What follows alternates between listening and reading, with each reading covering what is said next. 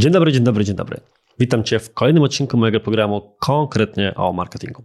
I dzisiaj porozmawiamy sobie konkretnie o jednej z najważniejszych metryk, jeżeli prowadzisz sklep internetowy, ale w sumie, jeżeli odpowiednio by się nad tym zastanowić, to można to przełożyć też na innego rodzaju kategorie biznesowe. Jaka to metryka? Mówimy tutaj o średniej wartości koszyka. Gdzie ją znaleźć? Jak ją ewentualnie obliczyć? Czemu jest ważna i co zrobić, żeby tę średnią wartość zwiększać? Zaczynajmy.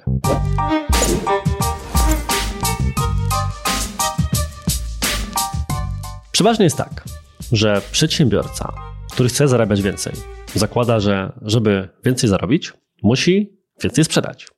Natomiast nie jest to jedyna droga. Żeby więcej zarobić, można sprzedać tyle samo, ale na przykład za droższą cenę. Ewentualnie można i sprzedać więcej, i za wyższą cenę. Tak jest w ogóle idealnie. Natomiast oczywiście, choć każdemu tego życzę, nie zawsze jest to możliwe. I właśnie dlatego jedną z najważniejszych metryk, którą powinniśmy śledzić, szczególnie jeżeli prowadzimy sklep internetowy, jest średnia wartość zamówienia, inaczej znana, zwana średnią wartością koszyka, znana z angielska jako Average Order Value, czyli AOV. Jak zwał, tak zwał. Jest to średnio istotne dla nas z tej perspektywy. Kluczowe jest, dlaczego powinniśmy taką rzecz mierzyć i jak ją potencjalnie zwiększyć. Zacznijmy może od tego, gdzie tę metrykę znaleźć. Akurat w kontekście sklepów internetowych sprawa jest naprawdę prosta. Zarówno Google Analytics, jak i różnego rodzaju systemy sklepowe prezentują Ci tę metrykę bezpośrednio w odpowiednich raportach. Jest więc to do zrobienia łatwe.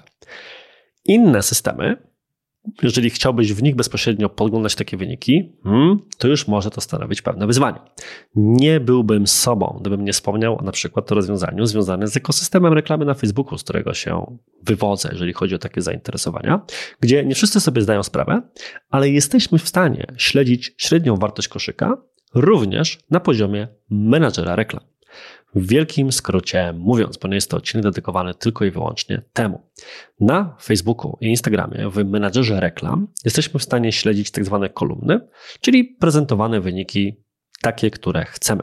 Tych kolumn jest w zasadzie chyba kilkaset różnego rodzaju statystyk od ROAS-u, czyli w skrócie obrotu po kliknięcia, koszty kliknięcia i tak dalej, i tak.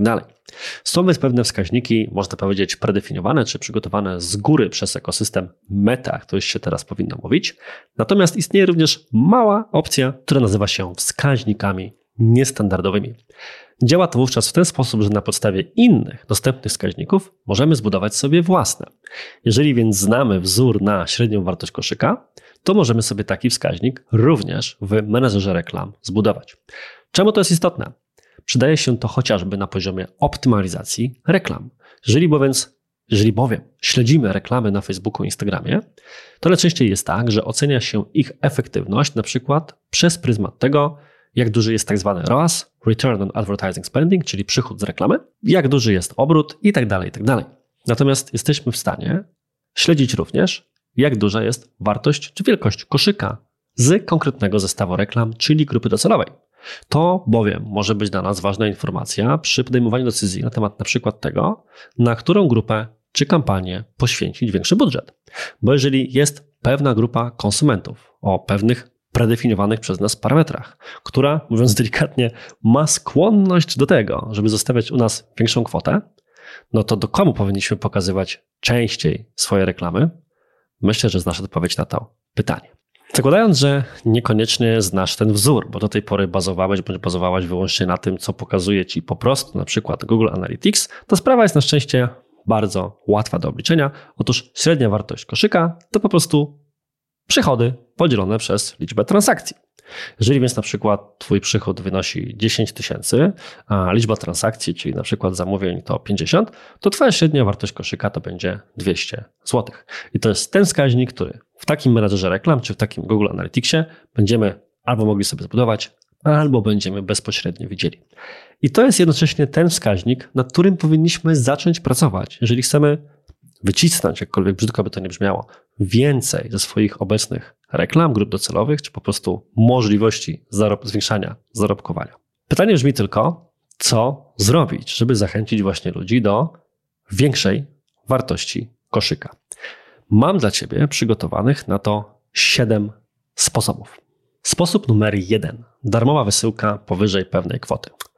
Są takie rozwiązania, które z uwagi na ich powszechność, szczególnie jeżeli jest się osobą, która sama jest przedsiębiorcą, właścicielem sklepu internetowego, więc bardzo mocno analitycznie patrzy również na wszystkie procesy zakupowe, w których uczestniczy i wyraźniej, ostrzej dostrzega pewne chwyty sztuczki, formaty, działają zawsze.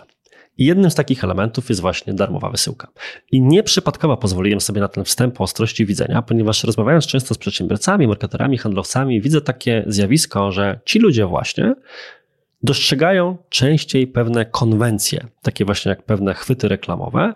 Na tej podstawie stwierdzają, nie, to jest banalne, wszyscy to robią, to na pewno nikt już cię na to nie łapie. No cóż, co innego jest wiedzieć, co innego jest coś z tą wiedzą robić. Tak samo jak ty pewnie, będąc osobą, która interesuje się marketingiem, rozumie go intuicyjnie bądź zawodowo, tak czy owak jesteś jego w cudzysłowie ofiarą, czyli dajesz się złapać na pewne sztuczki w przypadku usług czy produktów, na których ci zależy, tak samo nawet najbardziej wytrenowany konsument, a zwłaszcza taki, który nie jest na to e, przygotowany, czy się nad tym nie zastanawia. Stąd jakkolwiek banalne by się to nie wydawało, to właśnie oferowanie darmowej wysyłki powyżej pewnej kwoty jest jednym z takich uniwersalnych chwytów czy rozwiązań, które pozwalają zwiększyć wartość zamówienia. Możliwość bowiem oszczędzenia na koszyłce, na wysyłce, kosztem tego, żeby dołożyć sobie po prostu jeszcze ten jeden czy dwa produkty, jest naprawdę atrakcyjną propozycją. I zastanów się nawet, jeżeli nie wierzysz w samo rozwiązanie tego typu, gdzie klient pójdzie dokonać zakupu. Czy u ciebie, gdzie będzie musiał zapłacić za wysyłkę, czy u konkurencji, której ten sam produkt, dajmy na to, bądź podobnej jakości znajdzie, ale będzie mógł oszczędzić na wysyłce i wziąć sobie jeszcze tę jedną dodatkową rzecz. Pamiętajmy, że konsumenci porównują oferty, choćbyśmy bardzo, bardzo chcieli, żeby tego nie robili, bo są, jak to się już ładnie zwykło dzisiaj mówić, prosumentami, więc wiedzą gdzie i w jaki sposób takiej porównywarki czy rzeczy znaleźć. Więc dajmy im taką możliwość, żeby zostali właśnie u nas. Sposób numer dwa. Sprzedaż w pakietach. Jest to dla Ciebie albo potencjalna alternatywa do wcześniejszego rozwiązania, jeżeli nie czujesz się z nim akurat komfortowo, choć nie widzę powodów, dla których miałoby tak być, bądź ewentualnie jeszcze jedna metoda, którą możesz wdrożyć równocześnie. Chcesz, żeby ludzie kupowali u Ciebie więcej konkretnych produktów? Zrób z nich pakiety. Oczywiście taki pakiet musi być odpowiednio atrakcyjny, czyli musi być oczywiście w niższej cenie niż w przypadku, w której kupowałbym te wszystkie produkty osobno. Zauważyłem, że najczęściej jest tak, że właściciele sklepów internetowych jak najbardziej myślą o sprzedaży w pakietach, natomiast tworzą pakiety raczej dedykowane konkretnym okazjom. Nagrywam na przykład ten odcinek chwilę przed tegorocznym Dniem Ojca i ze wszech stron widzę komunikację związaną właśnie z pakietami na Dzień Ojca. Dlaczego, żeby jednak nie mieć różnego rodzaju pakietów produktowych oderwanych od jakiejkolwiek okazji, które możesz po prostu kupić wyłącznie dlatego, że ktoś stworzył z nich pewien komponent. Pamiętajmy też, że pakiet z perspektywy odbiorcy jest bardzo często wygodnym rozwiązaniem, które zdejmuje z niego odpowiedzialność za podejmowanie decyzji zakupowej. Dajmy na to przykład dbania o brodę. Jak się pewnie domyślasz, rzecz mi bliska. Wchodząc na sklep internetowy, związane z akcesoriami do brody, mogę sam musieć podjąć szereg decyzji zakupowych. Stwierdzić, jaki olejek do brody, jaką być może szczotkę, jaki szampon, czy cokolwiek tam innego jeszcze można kupić, powinienem zrobić. I za każdym razem muszę się nad tym zastanowić. A z drugiej strony mogę mieć przygotowaną ofertę pakietu, w którym ktoś za mnie dokonał tej selekcji. Moje założenie będzie oczywiście takie, że są to produkty względem siebie kompatybilne, i odpowiednio wystarczającej jakości. I moją jedyną decyzją do podjęcia jest po prostu, czy ten pakiet brać, czy go nie brać. A pamiętajmy, że im, jak to się ładnie mówi, mniejsze tarcie, friction, czyli problematyczność, mówiąc chyba bardziej elegancko, podejmowania decyzji, tym łatwiej o tę decyzję zakupową. Pakiet ma więc nie tylko funkcję zwiększania wartości koszyka, ale również zdejmowania odpowiedzialności czy trudności podejmowania decyzji zakupowej jako takiej. Punkt trzeci z kolei to wszelkiej maści akcje cross-sellingowe i upsellingowe. Czyli troszkę rozwinięcia tego wątku pakietowego, aczkolwiek w taki sposób, że czasami szukamy jednego konkretnego produktu i nie myślimy o tym, że być może będzie nam niedługo potrzebny jakiś inny.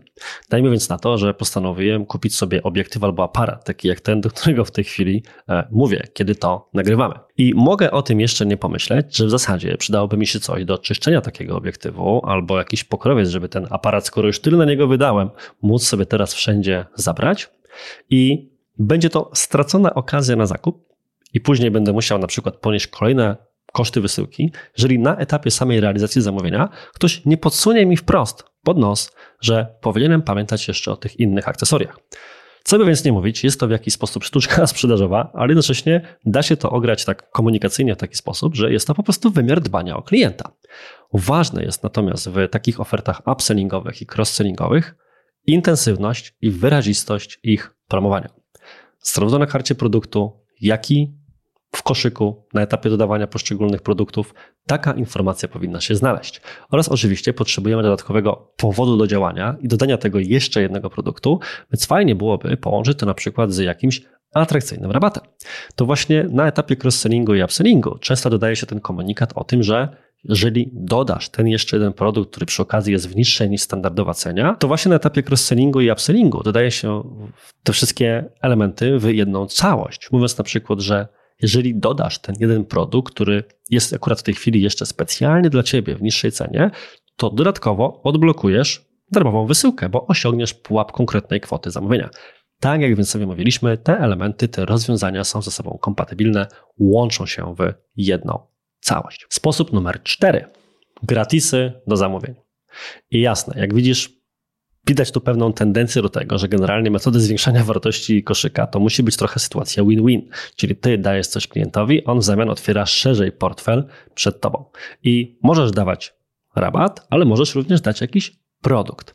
Więc gratis do zamówienia powyżej pewnej kwoty albo gratis do zamówienia konkretnego rodzaju produktu jest tym, co może ci się szczególnie opłacić i tym, co może skręcić myślenie klienta w pożądanym przez ciebie kierunku. Najczęściej bowiem jest tak, brylują w tym przecież marki kosmetyczne, że gratisy zamówieniowe dodaje się na przykład do tych produktów, na których mamy najlepszą marżę, albo tych, które są po prostu droższe w sklepie, żeby w tym momencie przesterować uwagę ludzi z tych potencjalnie tańszych alternatyw na coś, owszem, droższego, czyli bardziej kosztującego po kieszeni, ale jednak połączonego z jakimś gratisem, co pozwala ten ból wyższej kwoty jakoś złagodzić. Więc sytuacja musi być, tak jak już sobie powiedzieliśmy, z kategorii win-win. Sposób numer 5. Różne opcje finansowania. Jest tak, że ludzie naprawdę chcieliby od ciebie kupić. Natomiast problem polega na tym, że niekoniecznie e, mają możliwość wydania danej kwoty tu i teraz. I właśnie dlatego tak atrakcyjne stają się różnego rodzaju rozwiązania typu odroczona płatność. Jeżeli oglądałeś bądź oglądałaś mój odcinek dotyczący powodów, dla których ludzie najczęściej porzucają koszyki, który myślę będzie świetnym uzupełnieniem tego odcinka i gorąco Ci go polecam, będzie gdzieś tutaj oczywiście podlinkowany, to pewnie pamiętasz, że jednym z powodów, dla których ludzie odrzucają koszyki jest właśnie to, że nie ma preferowanej przez nich formy płatności. Ktoś na przykład lubi płacić blikiem, akurat tej funkcji w danym sklepie nie ma, więc rezygnuje z zakupu. I dla coraz większej puli użytkowników preferowaną formą płatności, czy jeżeli tak to można w ogóle nazwać, staje się właśnie płatność odroczona w miejsce płatności tu i teraz. Natomiast czysto psychologicznie, biorąc też pod uwagę to, że jest to po prostu e, ból wydania pieniędzy odroczony w czasie, to łatwiej jest w tym momencie z tej hipotetycznej przyszłej kieszeni wyciągnąć więcej, no bo nie odczujemy tego akurat w danym momencie. Jeżeli więc chcesz zwiększyć wartość koszyka, to jednym z rozwiązań, które możesz wdrożyć, jest właśnie odroczona płatność, czy inne formy finansowania, typu na przykład raty 0% i podobne. Sposób numer 6, muszę już użyć dwóch rąk, to oferty limitowane czasowo. Jeżeli oglądałeś bądź oglądałaś mój odcinek dotyczący czterech kluczowych pytań strategicznych, który bardzo, bardzo Ci polecam, bo dobrze organizuje pracę nad marketingiem i sprzedażą w firmie, od poziomu czysto egzekucyjnego po taki ogólny, strategiczny wymiar, to może pamiętasz, a jak nie, to chętnie Ci przypomnę, że jednym z moich ulubionych pytań, właśnie składnikiem tych czterech pytań fundamentalnych, jest pytanie, dlaczego teraz?